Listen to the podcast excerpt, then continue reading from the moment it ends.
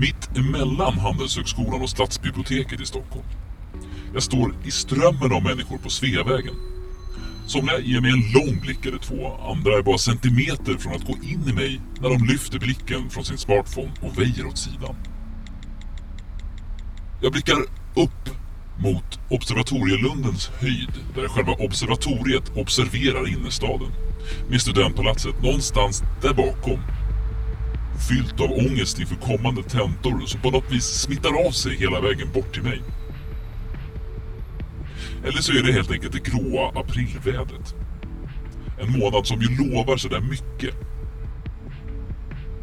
Det börjar smådroppa lite och jag drar mig närmare höjden. Någonstans där uppe uppmanas jag till ett val. Någon vill att jag ska välja antingen det ena eller det andra. Ett slags strid mellan säker framgångskarriär och osäkert dagdrömmande om att kunna slå igenom inom något jag gör för att förverkliga mig själv. Det senare frammanar förmodligen lite mer ångest när CSN-pappren ramlar ner i brevlådan. Jag har fastnat i folkströmmen på gatan med blicken mot meddelandet där uppe på höjden. I ett av stängslen åt vänster sagor om evig tillväxt. Åt höger andra berättelser. Handels eller Stadsbiblioteket. Sagor om evig tillväxt, andra berättelser.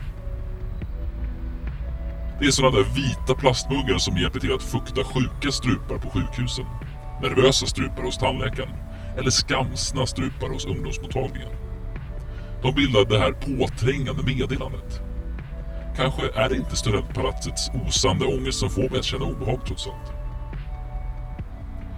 Människorna runt omkring mig på gatan med sina målmedvetna kurser mot ändra det ena eller det andra verkar ha tagit sina beslut utan att behöva den här guidande uppmaningen. Jag lyssnar istället till konstnärens andra meddelande som jag hittar vid Roslagstull där det står Du får ledigt idag. Du har hört Sagor om evig tillväxt. Vi hörs igen snart med fler berättelser från periferin.